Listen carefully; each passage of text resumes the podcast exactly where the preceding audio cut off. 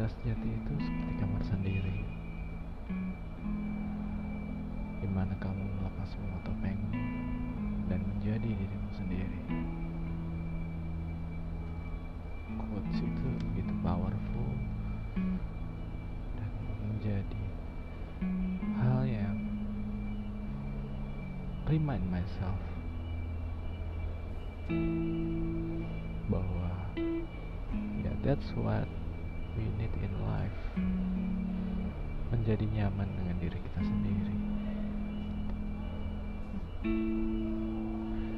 Karena kita hidup dengan topeng-topeng kita. And that's what I want to talk about today. Kita semua hidup dengan topeng-topeng kita berperilaku berbeda bersikap berbeda ketika bertemu dengan orang yang berbeda.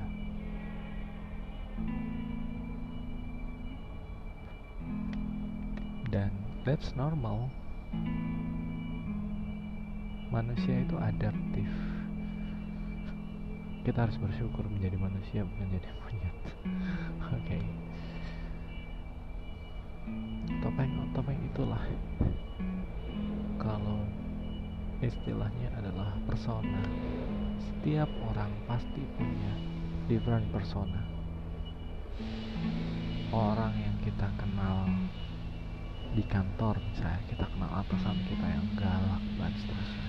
Apakah dia akan jadi pribadi yang sama ketika bertemu dengan keluarganya? Belum tentu apakah dia akan bersikap sama ketika no one see ketika dia sendirian? Di kamarnya sendiri atau sedang mandi?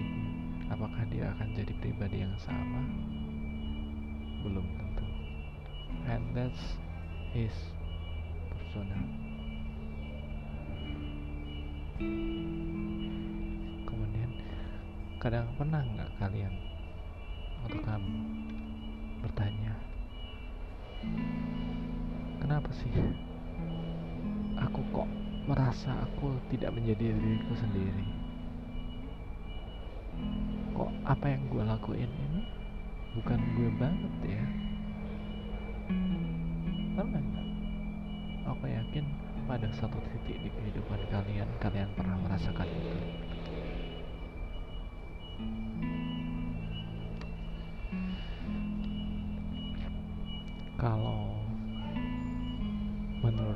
Jung salah satu tokoh psikologi. Persona atau topeng-topeng yang kita keluarkan kita sajikan ke siapa pun itu adalah sisi kepribadian yang memang kita tunjukkan kepada dunia. Jadi persona itu sisi kepribadian yang ditunjukkan kepada dunia untuk apa? Untuk memenuhi peran tertentu yang di-expect, dituntut. Dan buat apa sih topeng-topeng itu? Topeng-topeng itu kita perlukan untuk survive. Kita butuhkan untuk kontrol perasaan, pola pikir, perilaku dengan tujuan menciptakan penilaian tertentu dari orang lain kepada kita.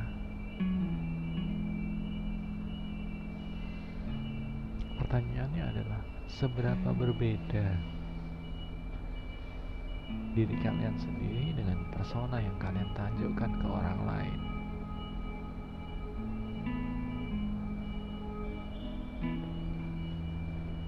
Kalau da kalau dari filosofi Jepang setidaknya setiap orang punya dua atau tiga persona yang dipunya setiap orang.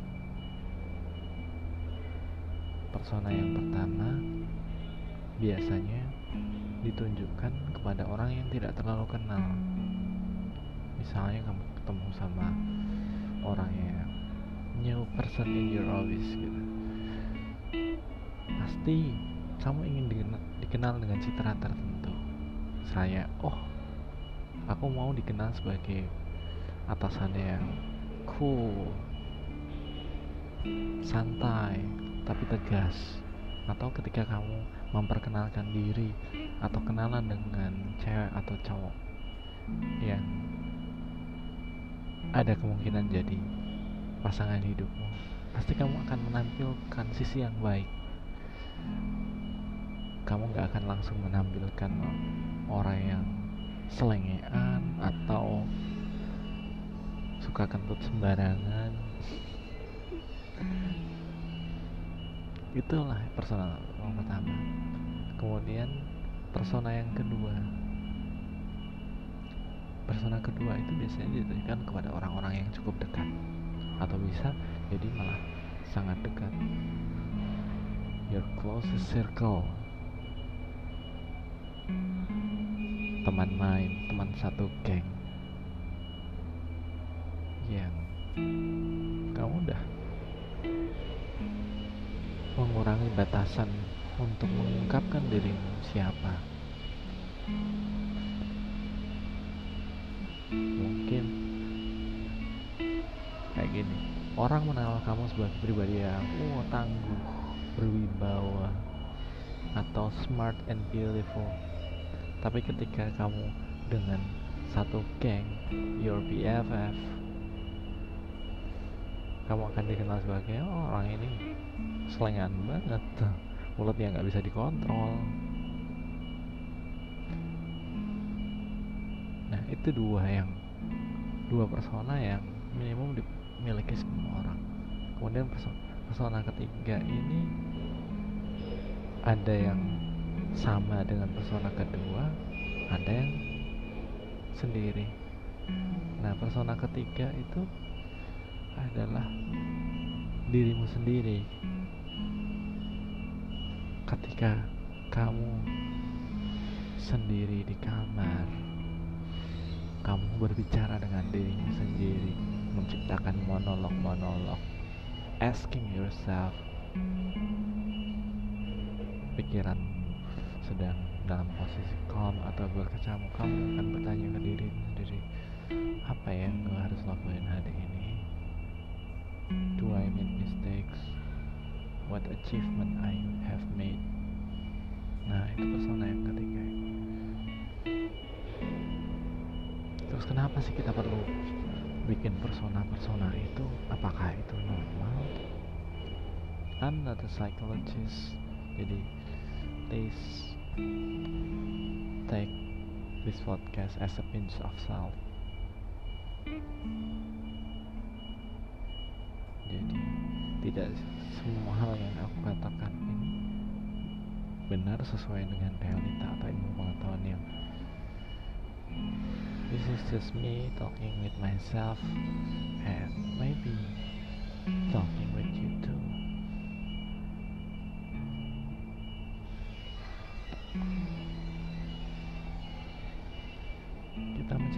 persona-persona itu untuk menciptakan gambaran citra diri. Jadi kita ingin orang lihat kita itu kayak apa sih gitu.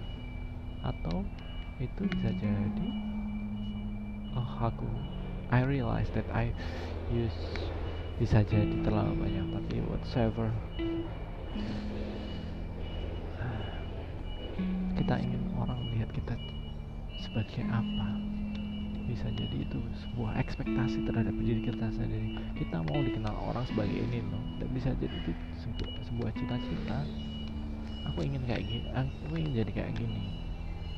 Aku ingin melihat orang melihat aku seperti ini dan aku ingin menjadi seperti itu.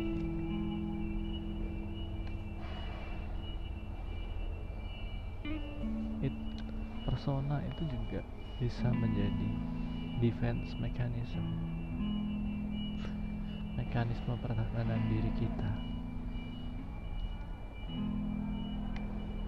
Survive to survive. Let's put it in the context. Kamu bisa jadi di kantor dikenal sebagai orang yang rajin rapi. Ya karena kamu butuh itu untuk bertahan tetap dipekerjakan. Sedangkan aslinya kamu malesan mageran penunda ya kita gunakan persona itu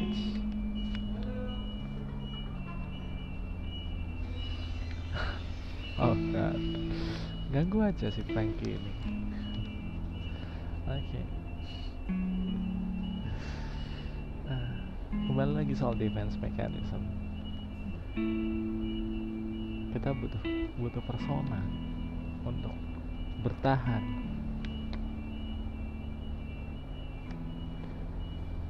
Kemudian yang ketiga adalah soal persepsi dan social hope.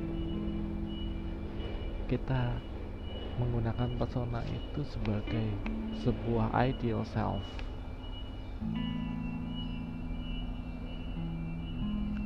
bisa menjadi hal yang ingin kita capai. Yang kaitannya dengan sebuah persepsi. Persepsi terhadap diri kita sendiri. Apa yang kita mau sih? Apa yang lo mau dalam hidup? Menjadi seperti apa yang kamu mau?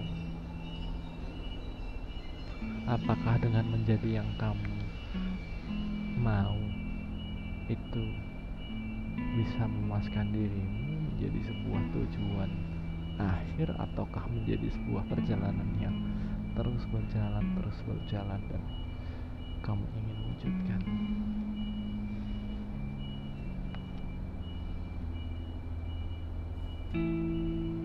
Terus caranya gue mengenal diri gue sendiri melisahkan topeng-topeng itu kayak apa?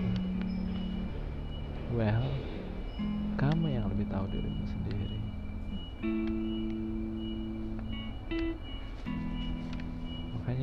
menemukan orang yang mengerti diri kamu sendiri kamu bisa munculkan si homulus manusia kecil dalam dirimu sendiri tempat tempat kamu bisa berbicara menjadi dirimu sendiri. Itu it's not easy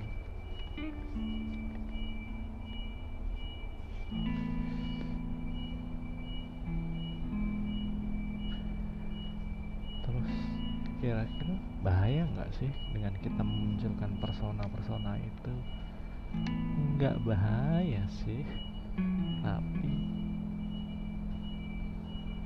sometimes kita terjebak.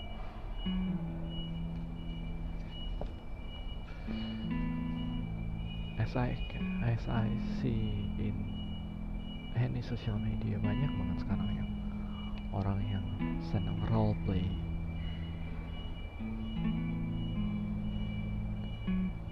it's fun. Actually it's fun. Aku juga pernah nyobain.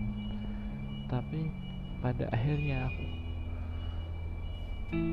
mempertanyakan itu aku aku udah jadi orang lain di kehidupan sehari-hariku. Kenapa aku harus menjadi orang lain juga?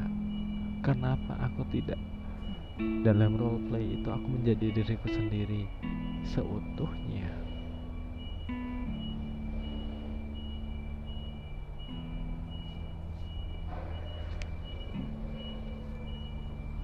kita sibuk menjadi orang lain kita sibuk mempersepsikan diri kita sendiri dengan cara yang ideal. Kita ingin jadi seperti idola kita tapi kadang-kadang kita lupa.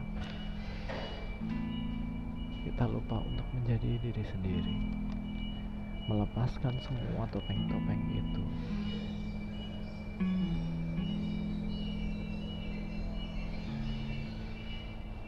persona itu bisa berbahaya. Apalagi ketika itu menjebak kita sehingga kita susah beradaptasi. Misalnya ketika kamu di kantor atau di sekolah atau di kuliah dikenal dengan orang yang keras gitu. Ketika kamu berhadapan dengan keluarga kamu masih menggunakan persona yang sama tidak bisa mengadaptasi persona yang berbeda it will be a problem for you. Seperti kata pepatah di mana bumi dimijak di situ langit dijunjung.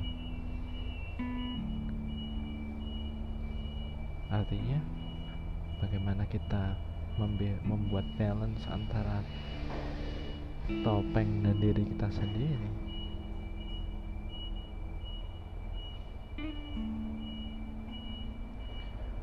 Kemudian bahaya lainnya adalah ketika kita takut dengan penilaian orang. Banyak orang yang berusaha menyembunyikan jati dirinya karena takut dengan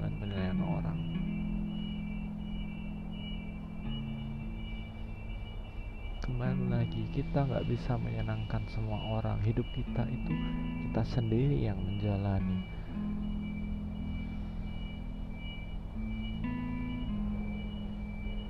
Banyak orang yang ingin menjadi masa bodoh dengan penilaian orang. I don't care I don't give a fuck to other person other person opinion.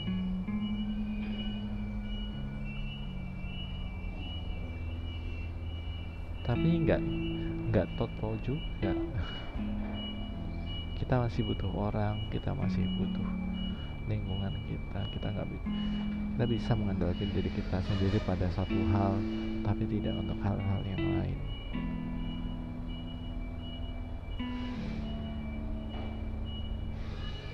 Terus gimana cara kita mengenal diri kita sendiri? Kalau dalam psikologi ada banyak alat tes yang dipakai.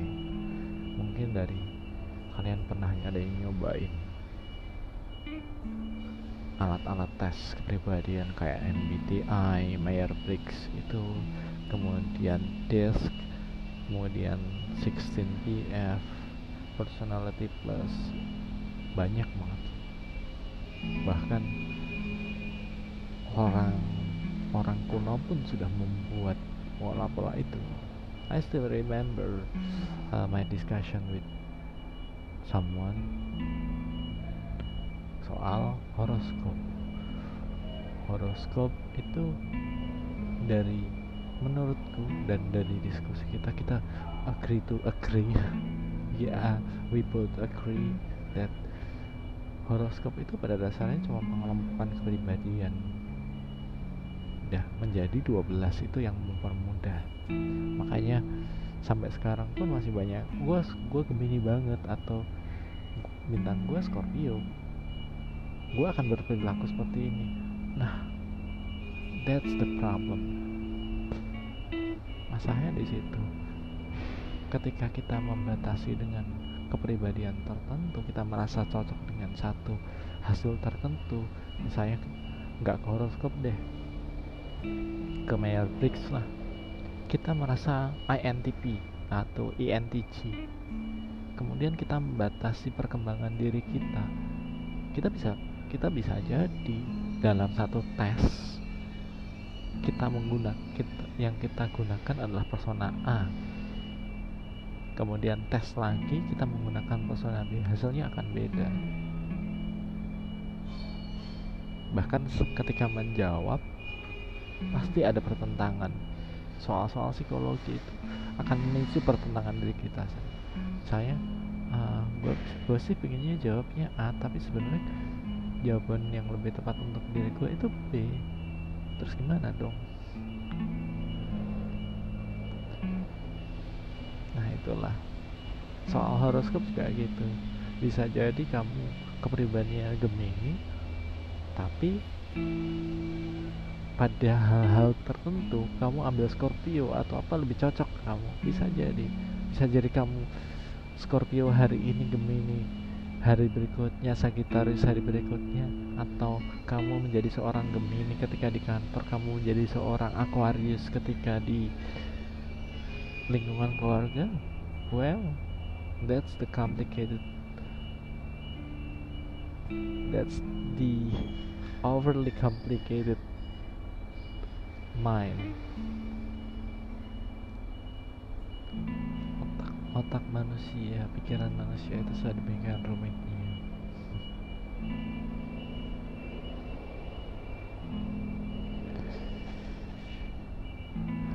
Terus gimana dong? Ya kita setidaknya udah ngerti apa itu persona. Kita peka dengan itu terus kita tahu kenapa sih kita pakai persona ini di sini.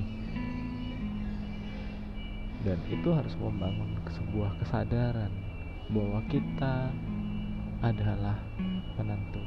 We take control of our situation. Kita punya power terhadap diri kita sendiri. Kita punya kontrol terhadap segala perilaku kita dan siap dengan konsekuensinya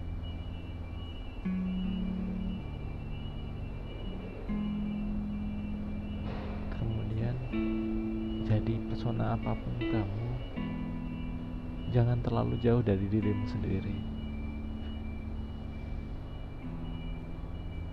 Tapi kan gue udah terlanjur pakai persona ini. Ya yeah, it takes time. Butuh waktu untuk oke okay, terutama dengan orang-orang dekat